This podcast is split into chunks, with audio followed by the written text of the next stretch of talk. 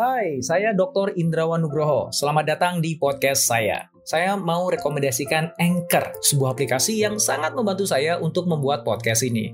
Layanan Anchor itu gratis dan kamu bisa download di App Store atau Play Store atau bisa juga diakses di websitenya www.anchor.fm. Yuk, mangga dicoba.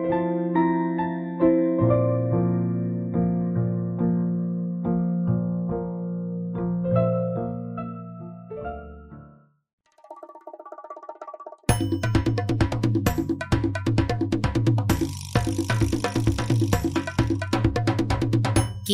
Podcast Network. Supaya bisa memenangkan persaingan, sebuah produk harus inovatif. Banyak orang, mungkin termasuk Anda, berpikir bahwa untuk melahirkan produk inovatif cukup perlu sebuah kreativitas. Padahal nggak gitu. Kreativitas saja jelas belum cukup. Bahkan jika Anda memiliki kemampuan mencipta sesuatu yang baru atau inventif, juga tidak cukup. Inovatif itu beda dengan inventif, apalagi kreatif. Buktinya, lihat aja smartphone LG bukan cuma kreatif, LG bisa dibilang inventif dengan teknologi dan fitur-fitur kerennya. Tapi sayang, ternyata LG tidak inovatif. Buktinya, tahun lalu LG mengaku kalah bersaing dan keluar dari bisnis smartphone. Jadi, apa sih sebenarnya bedanya kreatif, inventif, dan inovatif? Bagaimana kita bisa memastikan bahwa produk atau layanan kita benar-benar inovatif? Yuk, kita belajar dari LG.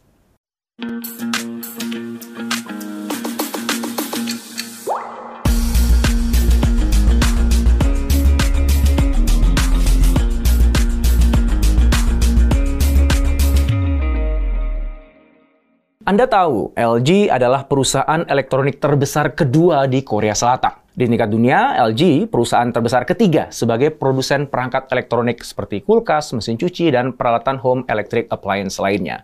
Untuk mobile phone, mereka baru mulai mengembangkannya di tahun 1997. Tahun 2000, pertama kali mereka meluncurkan LG 500.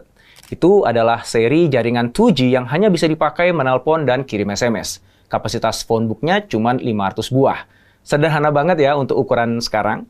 Bertahun-tahun kemudian, mereka aktif menggarap perkembangan teknologi digital. Tahun 2011, LG merilis tablet dan ponsel Android pertama yaitu LG G Slate dan LG GW620. Setahun kemudian, mereka merilis tablet dengan kamera 3D pertama yaitu LG Optimus Pad. LG juga tercatat sebagai salah satu produsen pertama dalam teknologi layar sentuh kapasitif pada smartphone. Sayangnya banyak yang mengira kalau inovasi itu pertama kali dihadirkan oleh iPhone atau Apple. Padahal LG lah yang lebih dulu menghadirkannya melalui LG Prada. Berikutnya, sebelum iPhone hadir dengan ultra wide kamera yang tersedia sejak peluncuran iPhone 11 ke atas, LG sudah hadir dengan LG G5 yang menyediakan kamera belakang ultra lebar. Kamera ultra lebar kini menjadi default pada smartphone level menengah dan atas yang memiliki lebih dari satu kamera belakang. LG juga sempat menghadirkan dual screen pada LG seri G8X yang menawarkan tampilan duplikat besar dengan harga yang jauh lebih terjangkau. Terakhir, mereka juga menampilkan inovasi saat bermunculan model-model smartphone dengan layar sentuh lipat, seperti yang dilakukan oleh Samsung pada seri Fold-nya. LG hadir dengan LG Wing dengan layar T putar yang unik. LG Wing juga memiliki spesifikasi yang tergolong mumpuni dengan chipset Snapdragon 765G 5G yang dipadu dengan RAM 8GB dan internal 256GB. Walaupun terus mengikuti perkembangan teknologi dan menghadirkan inovasi produk baik secara tampilan hingga fitur di bisnis ponsel, LG akhirnya menyerah. LG Wing misalnya menjadi contoh kehebatan teknologi yang gagal mengangkat LG dari keterpurukan. Penjualan LG Wing yang targetnya terjual 2 juta unit Nyatanya hanya laku 50 ribu unit saja. Apa yang terjadi? Bukankah LG sangat kreatif, bahkan inventif menghasilkan produk dan teknologi baru? Nah, inilah yang kita akan bahas. Kreatif adalah ketika Anda membuat sesuatu yang baru atau berbeda, baik untuk produk maupun layanan. Misalnya, menu di restoran Anda berbeda dari yang lain, atau produk Anda belum pernah ada sebelumnya. Nah, itu berarti Anda kreatif. Sedangkan inventif adalah ketika kebaharuan atau perbedaan yang ada pada produk atau layanan Anda itu mampu menyelesaikan masalah pelanggan. Sementara inovatif adalah ketika produk atau layanan inventif Anda benar-benar memiliki nilai tinggi bagi pelanggan. Saking tinggi nilainya, maka banyak orang di segmen pelanggan Anda yang mengadopsinya secara massal. LG sangat kreatif. Buktinya mereka lah yang pertama membuat teknologi layar sentuh pada smartphone, ketika yang lain bahkan belum menggunakannya. Produknya LG Prada. Nah, teknologi ini sekarang digunakan oleh hampir semua produk smartphone. Bahkan LG juga bisa dibilang inventif. Beberapa fitur yang mereka hasilkan bisa menyelesaikan masalah bagi pengguna handphone. Pada produknya LG G7 Thin Q, mereka memberi sinyal tentang bagaimana ponsel pengguna dapat kompatibel dengan perangkat elektronik lain seperti kulkas dan mesin cuci. Dengan semua produk yang telah dihasilkan, sayangnya LG smartphone tidak inovatif. Hmm, kok bisa ya? Nah, coba kita kaji lebih jauh ya produk atau layanan Anda itu bisa disebut inovatif kalau sudah benar-benar memiliki nilai tinggi bagi pelanggan. Buktinya, produk atau layanan Anda diadopsi secara massal oleh banyak orang di segmen pelanggan Anda. Mereka juga akan menggunakan produk atau layanan Anda itu secara rutin. Nah, itulah bukti bahwa produk atau layanan Anda benar-benar bernilai dan dibutuhkan. Sekarang coba perhatikan aplikasi yang ada di HP Anda. Jumlahnya ada berapa? Saya yakin lebih dari 100 ya. Nah, dari semua itu, berapa banyak sih aplikasi yang rutin Anda pakai? Setiap hari atau mungkin dalam satu minggu, sebulan, atau bahkan dalam satu kuartal. Saya yakin jumlahnya nggak sampai 20 aplikasi. Lalu kenapa sisa aplikasi lain yang banyak itu Anda download juga? Mungkin karena waktu pertama kali Anda lihat iklannya, tampaknya lucu, beda, unik, bikin penasaran lah. Maka Anda download. Lalu Anda mencobanya. Hmm, menarik ya? gitu ya. Tapi kemudian Anda nggak pernah lagi membukanya sampai lupa dan nggak sadar bahwa aplikasi-aplikasi itu ya cuma membuat memori HP Anda penuh. Nah, kasus itu terjadi pada produk LG G7 ThinQ yang dimaksudkan bisa kompatibel dengan produk lain seperti kulkas dan mesin cuci LG, tapi akhirnya ya nggak berfaedah. Sebetulnya aplikasi-aplikasi itu kreatif. Buktinya Anda dan mungkin banyak orang lain mengunduhnya. Bisa jadi aplikasi-aplikasi itu juga inventif karena bagi Anda ada gunanya. Tapi faktanya kemudian Anda mencapakannya. Itu sebuah bukti bahwa mereka tidak inovatif. Nah, jangan sampai produk atau layanan yang Anda miliki bernasib sama, tercampakkan. Sekarang coba lihat kedua puluh aplikasi tadi. Saya yakin semuanya mampu memenuhi kebutuhan spesifik Anda kan? Semuanya tidak pernah mengecewakan. Setiap saat mereka bekerja dengan baik untuk membantu Anda mencapai tujuan. Anda bisa mengandalkannya. Itulah ciri-ciri produk atau layanan yang inovatif. Jadi, untuk bisa disebut inovatif, sebuah produk atau layanan harus hebat dari ujung ke ujung, end to end. Bukan hanya sekedar punya fitur teknologi terbaru, tapi juga teknologi pendukungnya mumpuni, lancar, dan mudah bagi penggunanya. Kokoh ekosistem pendukungnya, termasuk dukungan pengembang pihak ketiga. Coba bayangkan jika Apple meluncurkan iPod tanpa aplikasi iTunes Music Store yang mumpuni dan 200 ribu track lagu hasil deal kontrak dengan label rekaman. Pasti akan gagal. Untungnya, Apple tahu bagaimana cara meluncurkan produk yang bakal laku. Apple selalu berpikir jauh, dari ujung ke ujung. Setelah peluncurannya, iPod bukan hanya mampu mendongkrak kuat penjualan produk Apple, namun juga berhasil mendisrupsi model bisnis industri musik untuk selamanya. Hai, sebelum kita lanjut podcastnya, kamu sudah pernah dengar Anchor kan? Anchor adalah all-in-one podcast editing platform yang saya gunakan untuk rekaman, edit suara, tambah lagu, dan semua hal dalam pembuatan podcast yang sedang kamu dengerin ini. Anchor bisa membantu kamu bikin podcast kamu sendiri loh. Caranya gampang, tinggal download dari App Store atau Play Store, atau bisa juga diakses di www.anchor.fm. Download Anchor sekarang ya. Walaupun smartphone LG mampu menyajikan teknologi terkini dan banyak fitur-fitur keren, LG gagal untuk menjadi perangkat yang bisa diandalkan oleh penggunanya. Kenapa? Ternyata ada banyak masalah yang dialami. Di antaranya, LG pernah dilanda kasus boot loop, di mana pengguna menemukan HP LG melakukan booting secara tiba-tiba tanpa henti. Waktu itu, seri G4 yang mengalami masalah itu. Para pengguna harus mendatangi pusat pelayanan untuk mengganti unit smartphone seri G4 atau mereparasi sistemnya, agar bisa digunakan kembali. Begitupun terjadi pada seri berikutnya. Nah, kejadian itu mengakibatkan review yang kurang baik dari para pengguna dan mendorong mereka beralih ke merek lain.